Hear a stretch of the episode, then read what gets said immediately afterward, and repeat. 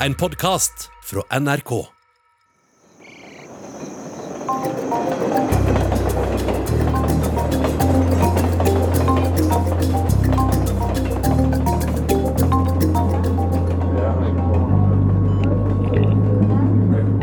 Neste stasjon er Kolbotn.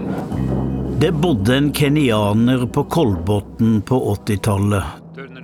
Det var ikke mange svarte der den gang.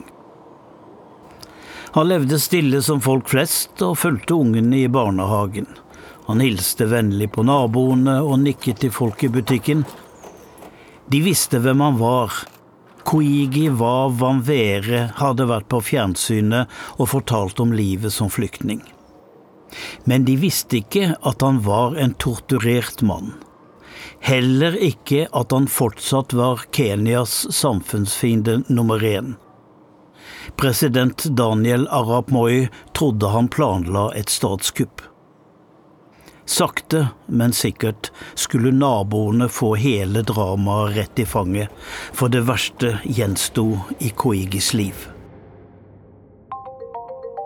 Toms afrikanske fortellinger.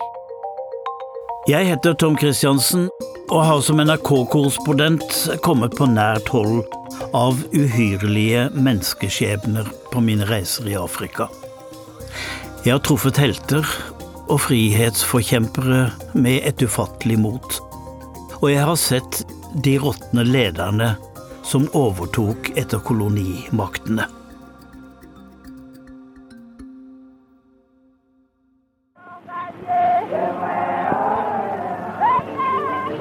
Here in 700,000 square miles, 30,000 Europeans and 80,000 Indians live side by side with 12 million Africans. Han hadde vokst opp i en kaotisk tid. Den britiske kolonimakten ga opp Kenya, og landets egne tok over. Makten ble delt nå mellom rike kenyanske familier, og etter hvert ble store jordeiendommer deres. Rikdommen var for de få, og Koigi vokste opp blant de jordløse. Koigi hadde reist til USA for å studere. Det skjedde mens John Kennedy ble drept, og hvor to andre helter, Dr. Martin Luther King. Now is the time. The solid rock of brotherhood. Now. Og Malcolm X også hadde blitt skutt. Da han vendte hjem i 1974, inspirert og 25 år gammel, stilte han like godt til parlamentsvalg, men han kom ikke inn. Året etter ble han fengslet første gang for oppvigleri og gatebråk. Nå var det Jomo Kenyatta som styrte. Koigi ble løslatt etter tre år, og da ble han endelig innvalgt i parlamentet. I tre år satt han der, før han igjen ble ført i lenker til en ny arrest. Fengslet av den neste presidenten. Daniel Arap Moi. Moi var høyreist, gikk alltid rundt med et septer, gikk alltid i kirken på søndager. Hans silkedresser var ikke billige.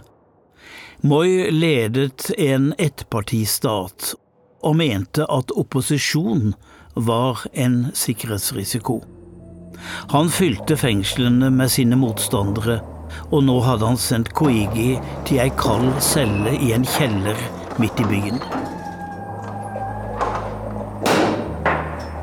Jeg har siden vært i den arresten. Torturkamrene lå i Nyaya House, et av regjeringens høyhus midt i Nairobi, bare et par hundre meter fra den norske ambassade, et par hundre meter fra Hotell Intercontinental, parlamentet og Høyesterett. Her var små vinduer oppe på veggen, og jeg kunne se rett ut på gaten. De vinduene hadde jeg passert mange ganger på utsiden, men jeg ante ikke hva som skjedde innenfor. Det er ekko i gangene der nede. Et fellesrom og flere avlukker.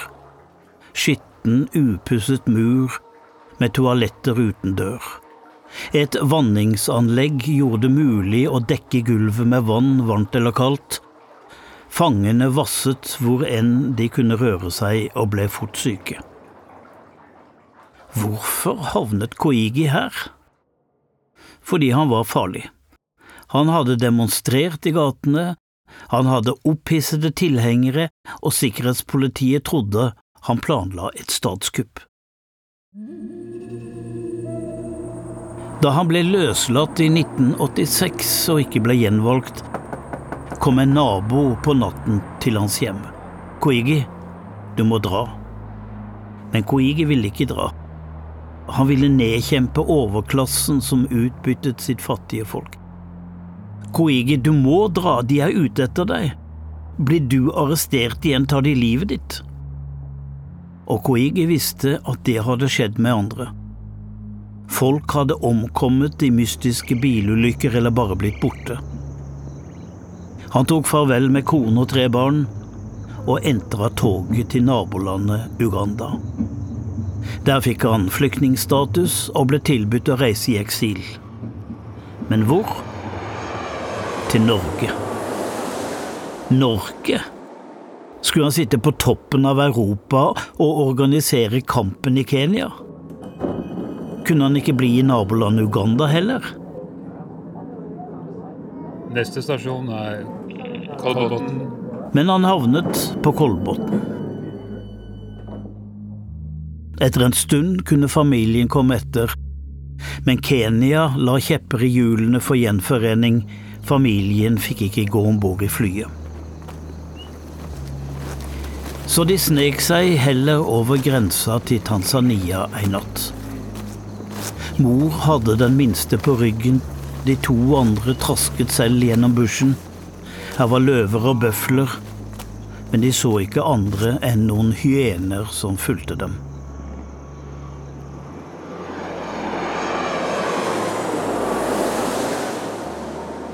De landet på Fornebu, og ungene hadde aldri sett snø.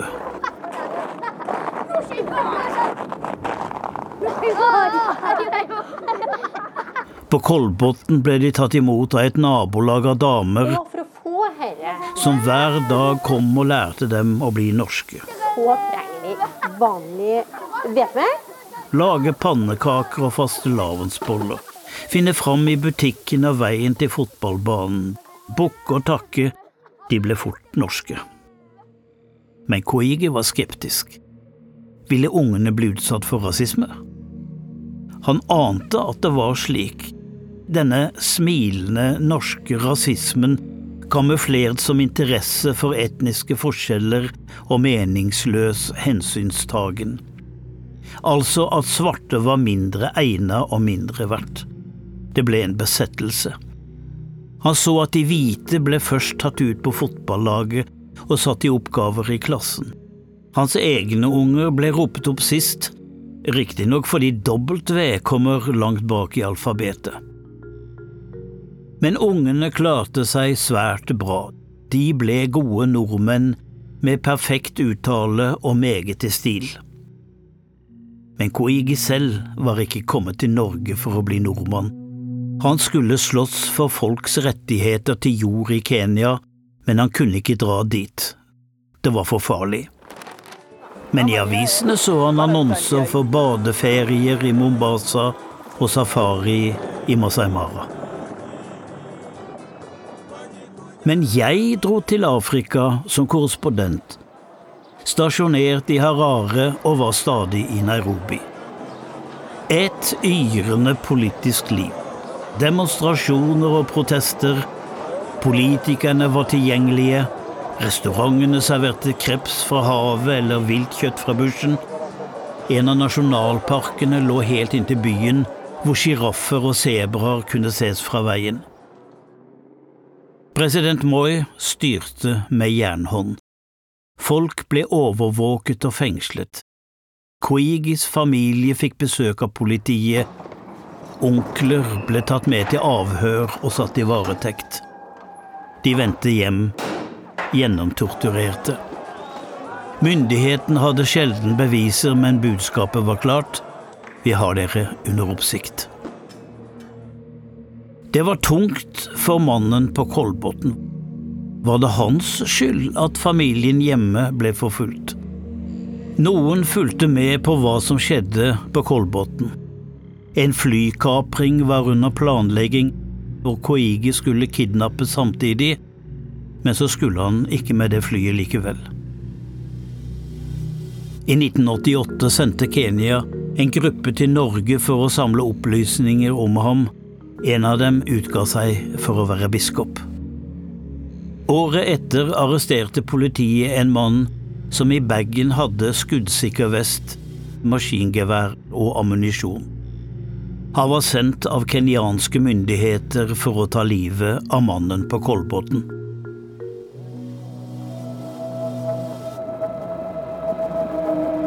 Bildet av det smilende turistlandet falmer. Nå ser verden en politistat med politiske fanger, tortur, korrupsjon og vanstyre. På denne tida reiser Koigi rundt i verden og holder foredrag om menneskerettighetsbrudd i Kenya, og Koigi boltrer seg i sarkasmer.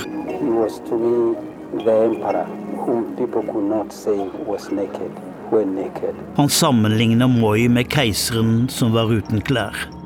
Særlig ille blir det i Norge. Og avisene holder aldri igjen når de skal beskrive kritikkverdige forhold i Afrika. Raljerende karakteristikker ble øst utover side etter side. President Moi var på vei til Norge da dette toppet seg i 1988. Han endret reiseplanene underveis.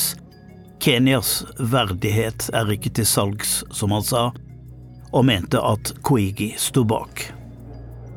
Jeg så hvordan forholdet mellom Norge og Kenya ble verre. Det var langvarige bistandsprosjekter Norge mente Kenya burde overta, men Kenya var fornøyd med at Norge betalte regningene. Samtidig merket Norad at politikere og embetsmenn prøvde å berike seg selv på bistandsmidlene. De så også at korrupsjonen forplanta seg nedover i systemet. Norges ambassade i Nairobi hadde kontorer i ei høyblokk. Ambassadør Nils Dahl ble mer og mer fortvilet over det dårlige forholdet. Han forsøkte å rette opp inntrykket ved å minne norske medier om at Kenya var et rolig og fredelig turistland som vi hadde hatt langvarig kontakt med, og så la han til at president Moi hver søndag gikk i kirken. Men Norge var ikke klar for ambassadør Dahls nyanser, og utenriksminister Thorvald Stoltenberg gikk i Stortinget og beklaget hva ambassadøren hadde sagt. Jeg traff Dahl da jeg besøkte ambassaden. Han var ikke glad for å se meg. Han hadde ingen god erfaring med journalister. Dahl var knapp og tung i pusten. Han hadde en forutanelse at dette går ikke bra. Så, 9. oktober 1990, kommer en nyhet jeg ikke skjønner. Eksilkenyaneren Koigi Wabamwere, som siden 1986 har bodd i Norge, ble i dag arrestert i Kenyas hovedstad Narobi, melder kenyansk kringkasting. Det er ikke kjent når og hvordan han er kommet inn i Kenya, men det har vært en dristig manøver. Wamwere var medlem av nasjonalforsamlingen og en nær medarbeider av president Daniel Arap Moi. Det kunne ikke være mulig. Koigi arrestert?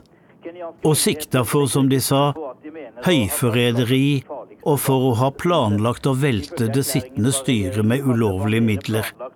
Koigi? Dette kunne ikke stemme. Det måtte være en misforståelse.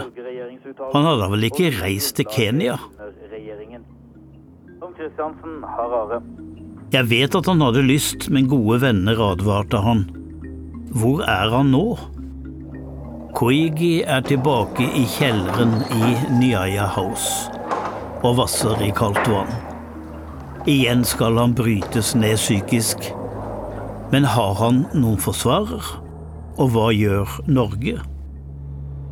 Ambassadør Dahl er knappere enn noensinne. Vi sitter tause på hans kontor. Han kan da ikke ha tatt seg inn i Kenya? Halvveis spør ambassadøren. Jeg har undersøkt og fått nettopp vite at han ble tatt i nabolandet Uganda, at de hadde dopet ham ned og brakt ham over grensa. Og så kommer en sekretær med dagens aviser. Nye sjokk. Her er bilder av beslaglagte våpen. Maskingeværer og håndvåpen. Politisjefen er intervjuet. De planla en svær krig, sier han. Ambassadøren blir blekere mens han leser. Kenyanere har vært truet i lengre tid, står det. Av disse aktivistene som har fått penger fra fremmede makter. De har planlagt geriljavirksomhet og har gått i dekning. De er opplært i tortur og skal drepe sine landsmenn. De skal spre kaos. De skal rane banker, business og fotgjengere.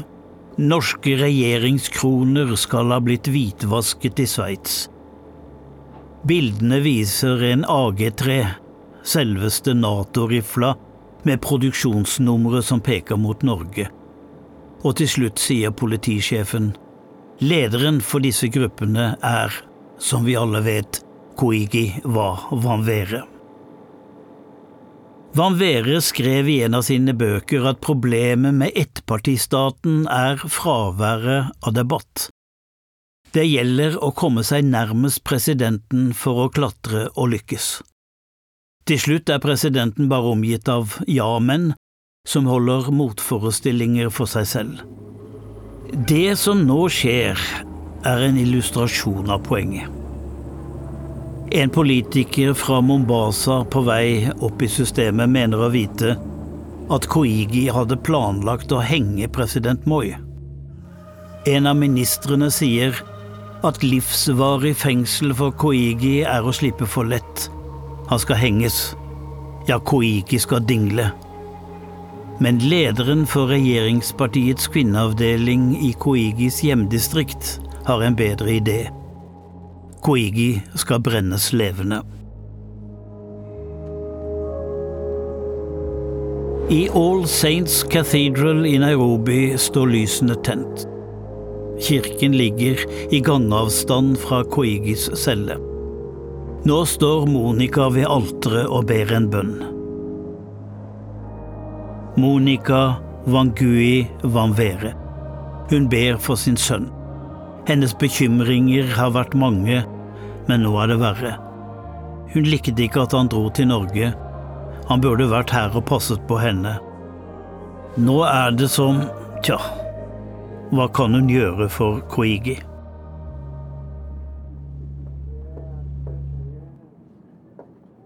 I Oslo er lysene i Utenriksdepartementet på døgnet rundt. Det står ikke bare om livet til Koigi Wawanvere. Norges lange og gode forhold til Kenya er satt i spill.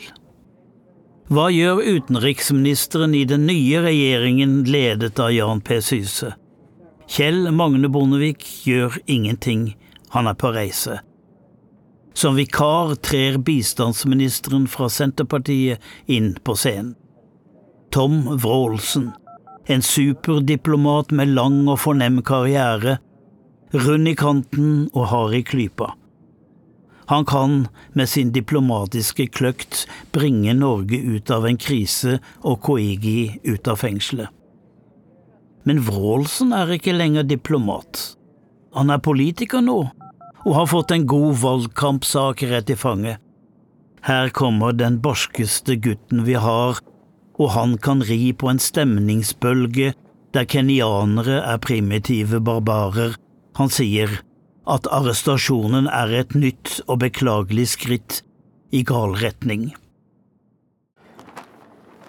I det kenyanske utenriksdepartementet sitter en ulykkelig departementsråd, Bertuel Kiplagat. Han er jo en lidenskapelig norgesvenn med et langvarig samarbeid med Kirkens Nødhjelp og Norsk Folkehjelp.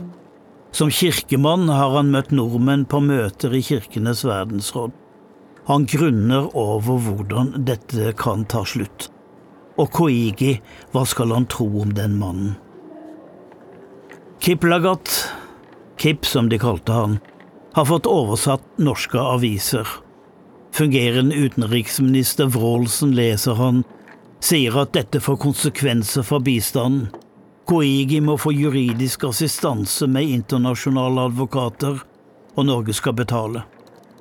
Altså, Norge stiller seg bak landsforræderen Koigi Wawan Vere, og nå banker det på departementsrådens dør.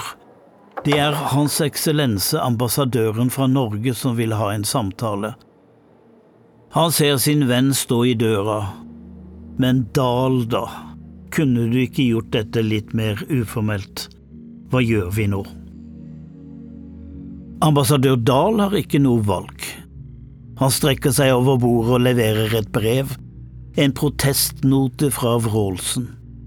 Den fungerende utenriksminister mer enn antyder at Norge ikke kjøper historien bak arrestasjonen og peker rett på president Daniel Arap Moi som bakmann og løgner. Og så ber han om at Koigi må få juridisk bistand. Norge og Koigi hånd i hånd. Det er mer enn Kenya kan tåle. Fra Norge meldes det at bistanden halveres. Det var en gammel nyhet men nå knyttes den til Vanvere. Og Nairobi-avisene skriver Norge kan beholde sine penger, vi trenger ikke hvite mennesker som kommer hit for å fortelle oss hvordan demokratiet skal utformes. Ambassadøren får beskjed om at Koigi skal fremstilles i retten, og det om 15 minutter. Han hiver seg rundt, får tak i sjåføren og kommer seg til rettsbygningen. Her er fullt av folk, så han må aksle seg inn. Her er væpnet politi til langt utpå fortauet. Alle skal få vite at Vanvere er farlig. Inne er journalister og politikere, embetsmenn og advokater stuet sammen. Dahl ser etter en plass, og så får Koigis forsvarer øye på ham, jublende glad over at Norge stiller opp. Sett deg her, sier han, og Dahl tar plass på forsvarerbenken. Der begår ambassadøren den skjebnetunge tabben. Han sitter ved siden av forsvareren, og nå kan alle se det. Norge er en del av dette forsøket på statskupp. Koigi føres inn i lenker og håndjern. Han ser seg rundt og øyner Dahl. Gud, for en lykke, jeg er ikke glemt. Dahl så ellers ingen som ville ham vel. Han var glad han hadde husket å ta ned flagget på ambassadeveggen. Når han kom tilbake, skulle han også fjerne det ovale skjoldet med riksvåpenet. Kenya trengte ikke lenger den norske løve. De hadde sine egne både på savannen og i regjeringskvartalet. Neste dag drar ambassadør Dahl til Utenriksdepartementet igjen for å få endelig beskjed. Jeg sitter i ambassaden og venter. Møtet ble kort, og Dahl er fort tilbake. Han er taus, og han tar meg med inn på kontoret. Bare han og jeg.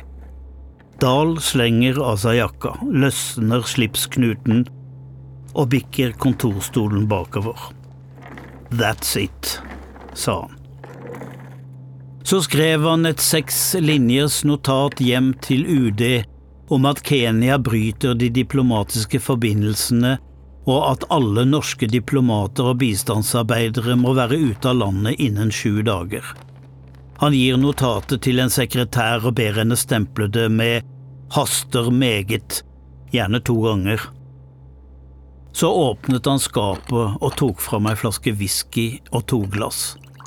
Ingen av oss var helt edru da Norges ambassadør i Kenya en time seinere fortalte det norske folk om det diplomatiske bruddet. Eh, det har jo vært eh, noen vanskelige uker. Og det er jo ikke med lett hjerte jeg forlater dette landet. Eh, vi har vært her nå i snart tre år og har jo hatt mange meget positive opplevelser i dette landet. I den norske leiren av bistandsarbeidere sto mødre og barn forvirret og gråt. Mange unger måtte nå skifte skole, de hadde leid ut huset hjemme, noen hadde sagt opp jobben.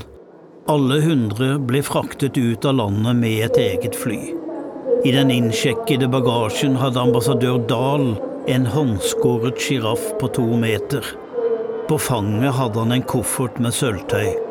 Kongens sølv. Og de knivene og gaflene der, de hadde de spist med alle de drittsekkene som nå sendte ham ut. Tilbake sto jeg, ambassadeløs og rådvill. Jeg dro til Koigis advokat. Jeg sa jeg ville treffe den fengslede. Han så på meg lenge. Trakk noen drag av sigaretten og smilte. Det skal vi få til. Jeg skal bare ordne noen papirer først.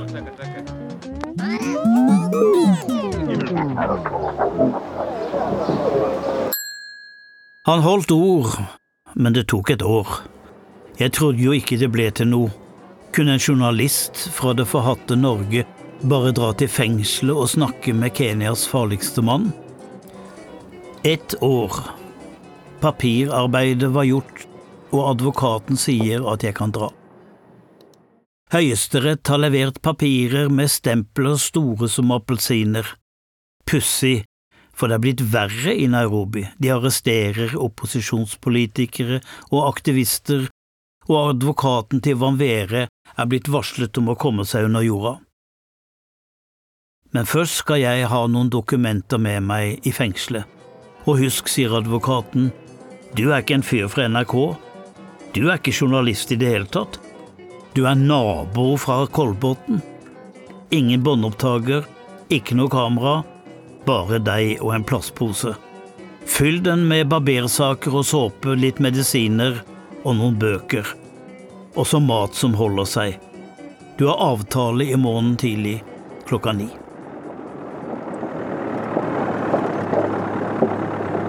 Det er halvannen time å kjøre. Kamiti Maximum Security Prison, en svær, grå bygning. Jeg går inn porten og følger korridorer sammen med en betjent. Vent her. Og så blir jeg ropt opp. Mr. Christiansen, are you ready? Jeg følger etter. Her kommer naboen til Koigi Vavanvere. Det vet jo ikke Koigi at jeg er. Jeg kommer inn i et besøkelsesrom med åtte luker, som et gammeldags postkontor. Gå til den nederste luka. Jeg gjør som jeg blir bedt, og der kan jeg skimte noe gjennom ei møkkete vindusrute. Ei dør går opp på innsiden, og Koigi føres fram av to betjenter. De stiller seg ved hans side. Jeg ser han undrer. Hva er dette? Så får Koigi øye på meg, og jeg ser at han skjerper seg. Det passer ikke at en norsk journalist er kommet hit så jeg later som vi er gamle venner. Long time no see, Koigi, er det greit her? Han har tatt poenget, og nå snakker han som en Amnesty-rapport. Jeg sitter på cella 23 timer i døgnet. Jeg har gått ned mange kilo. Jeg får ikke medisiner. Jeg har fått magesår.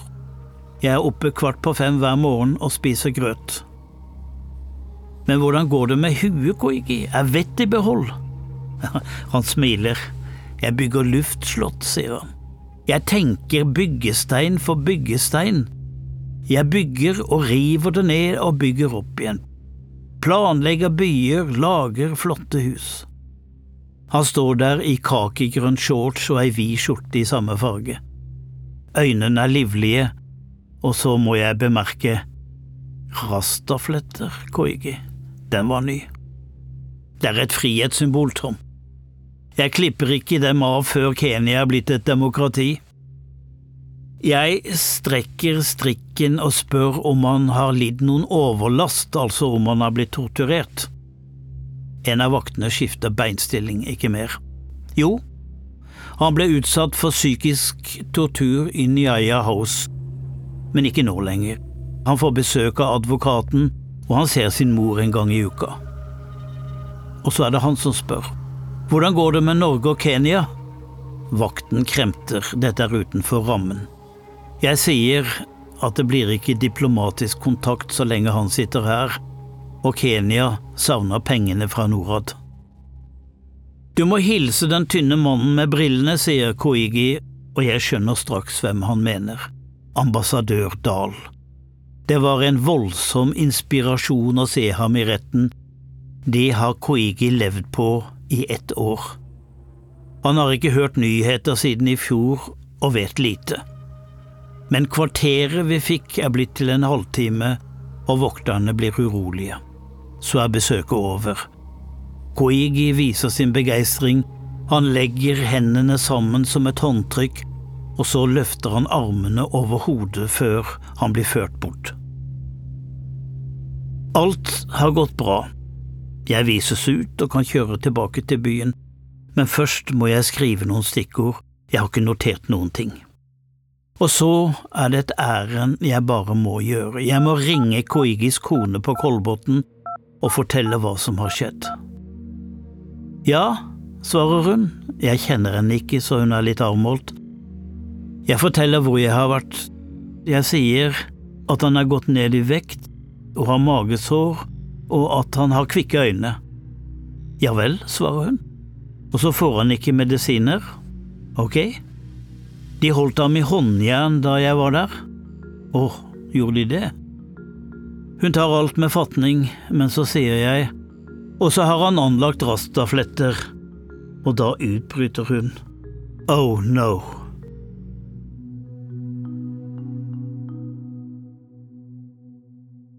Det skal gå noen år før vi møtes igjen. Det blir et mildere politisk klima i Kenya, som i andre afrikanske land på 90-tallet, og president Moi åpner for flerpartistyre. Det skal altså ikke bare være ett parti lenger. Så blir Koigi løslatt. Han drar rett hjem til Nakuru, og der er jeg. En lastebil kjører gjennom Nakurus gater. Koigi står på lasteplanet og vinker. Hele byen er på beina, og nå taler han til dem for første gang på lenge. Nå er vi på rett vei. Går dette bra, skal jeg klippe mine rastafletter, roper han. Folk er henrykt. Her står mannen som ble dopa og arrestert i en spektakulær politiaksjon i Uganda og smugla over grensa. Kenyas farligste mann, ha-ha, det er nye tider nå. Etter at larmen har lagt seg, trekker vi oss tilbake til familiens hus i utkanten. Han er lettet, det er så rart å være frimann.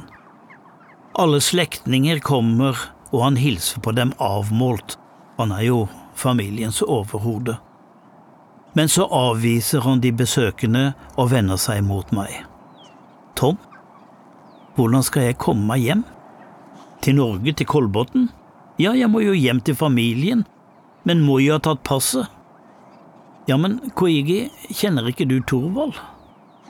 Det hadde vært regjeringsskifte, og den gamle Stoltenberg var tilbake som utenriksminister. Thorvald ordner alt, Koigi. Og så ga jeg ham notisblokka mi, og Koigi skrev for hånd en beskjed til utenriksministeren. Om han kunne ordne de papirene han trengte. Jeg tok med meg lappen og fakset den til Utenriksdepartementet i Oslo.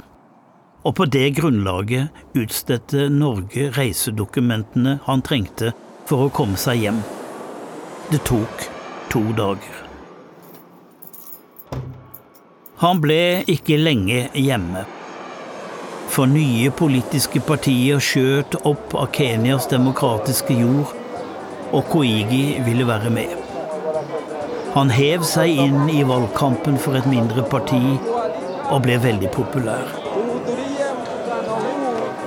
Han hadde en retorisk kraft med humør og tabloide, frekke vendinger.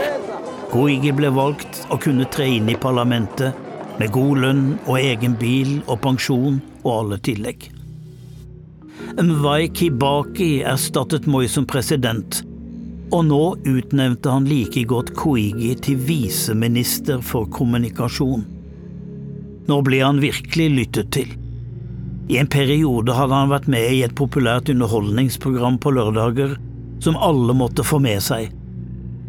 Der sleivet han rundt med friske kommentarer om politikere og hendelser. Han måtte slutte med det da han ble minister og kunne kjøre i svart limousin. Vi møttes en fredag ettermiddag over en øl. Det var like nede i Uhuruparken, med trafikkaos like ved. Åssen går det, Koigi, du er pen i tøyet?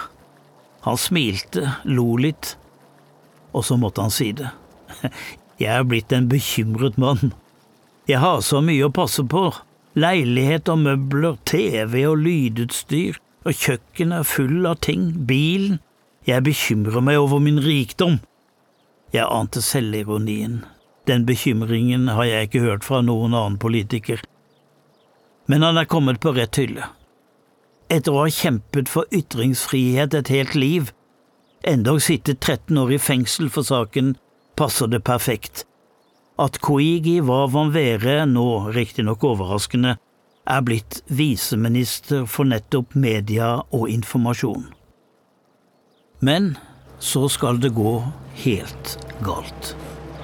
En kveld i 2006 stormer militære styrker inn i avisredaksjonen til The Standard og redaksjonslokalene til TV-stasjonen KTN. Opplag blir makulert, maskiner knust, journalister og typografer blir hjult opp og redaksjonene stenges. Sikkerhetsministeriet er kommet under vær med at redaksjonene har planlagt å avsløre forhold som vil være til skade for landet. Sikkerhetsministeriet sier ingenting, de overlater opplysningsplikten til viseministeren for informasjon, Koigi, som blir regjeringens talsmann. Og han er nødt til å si følgende. De måtte gripe inn av hensyn til nasjonens interesser. Folk trodde ikke hva de hørte. Han hadde skiftet side. Eller hadde han det? Demokrati i Afrika kan kreve røffere tak enn vestlige folkestyrer er vant med, men likevel burde ikke Koigi satt en grense her. Han gjorde ikke det. Håpet det skulle bli en parentes, og så kunne de gå videre, men mange ville ikke tilgi Koigi. De mistet tilliten til ham. De som hadde støttet ham i Norge, USA og Kenya, var dypt skuffet, og de brukte ikke mer tid på mannen de hadde stilt opp for. Kompromisser kan være politikkens edleste disiplin, helt til det rører ved de hellige prinsipper. Koigi ble ikke gjenvalgt. Han flyttet hjem til Nakuru og opprettet en radiostasjon for egne penger.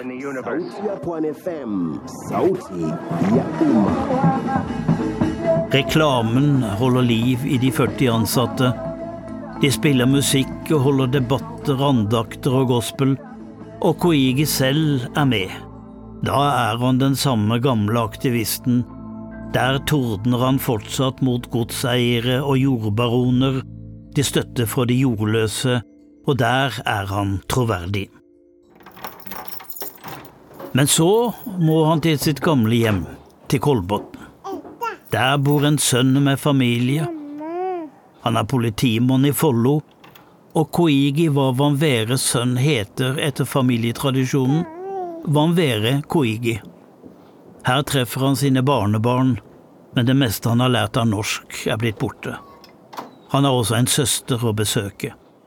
Rastafletten er borte, han har roet seg med årene. Men han blir ikke lenge borte, for rastløsheten har ikke forlatt ham. Han er på radiobølger nå, og makta i Kenya får aldri fred. You know, no one person can possibly have all the thoughts that are necessary for the development of a country. You make your contribution, I make my contribution, somebody else makes their contribution, and together we bring these thoughts to a bank and withdraw as we need them. Toms afrikanske fortellinger. Du kan høre flere episoder av Toms afrikanske fortellinger i appen NRK Radio. Denne podkasten er laget av Tom Christiansen. Klipp og lyddesign var ved Øystein Vesaas, og Marius Christiansen har laget musikken. Produsert av Svarttrost Produksjoner.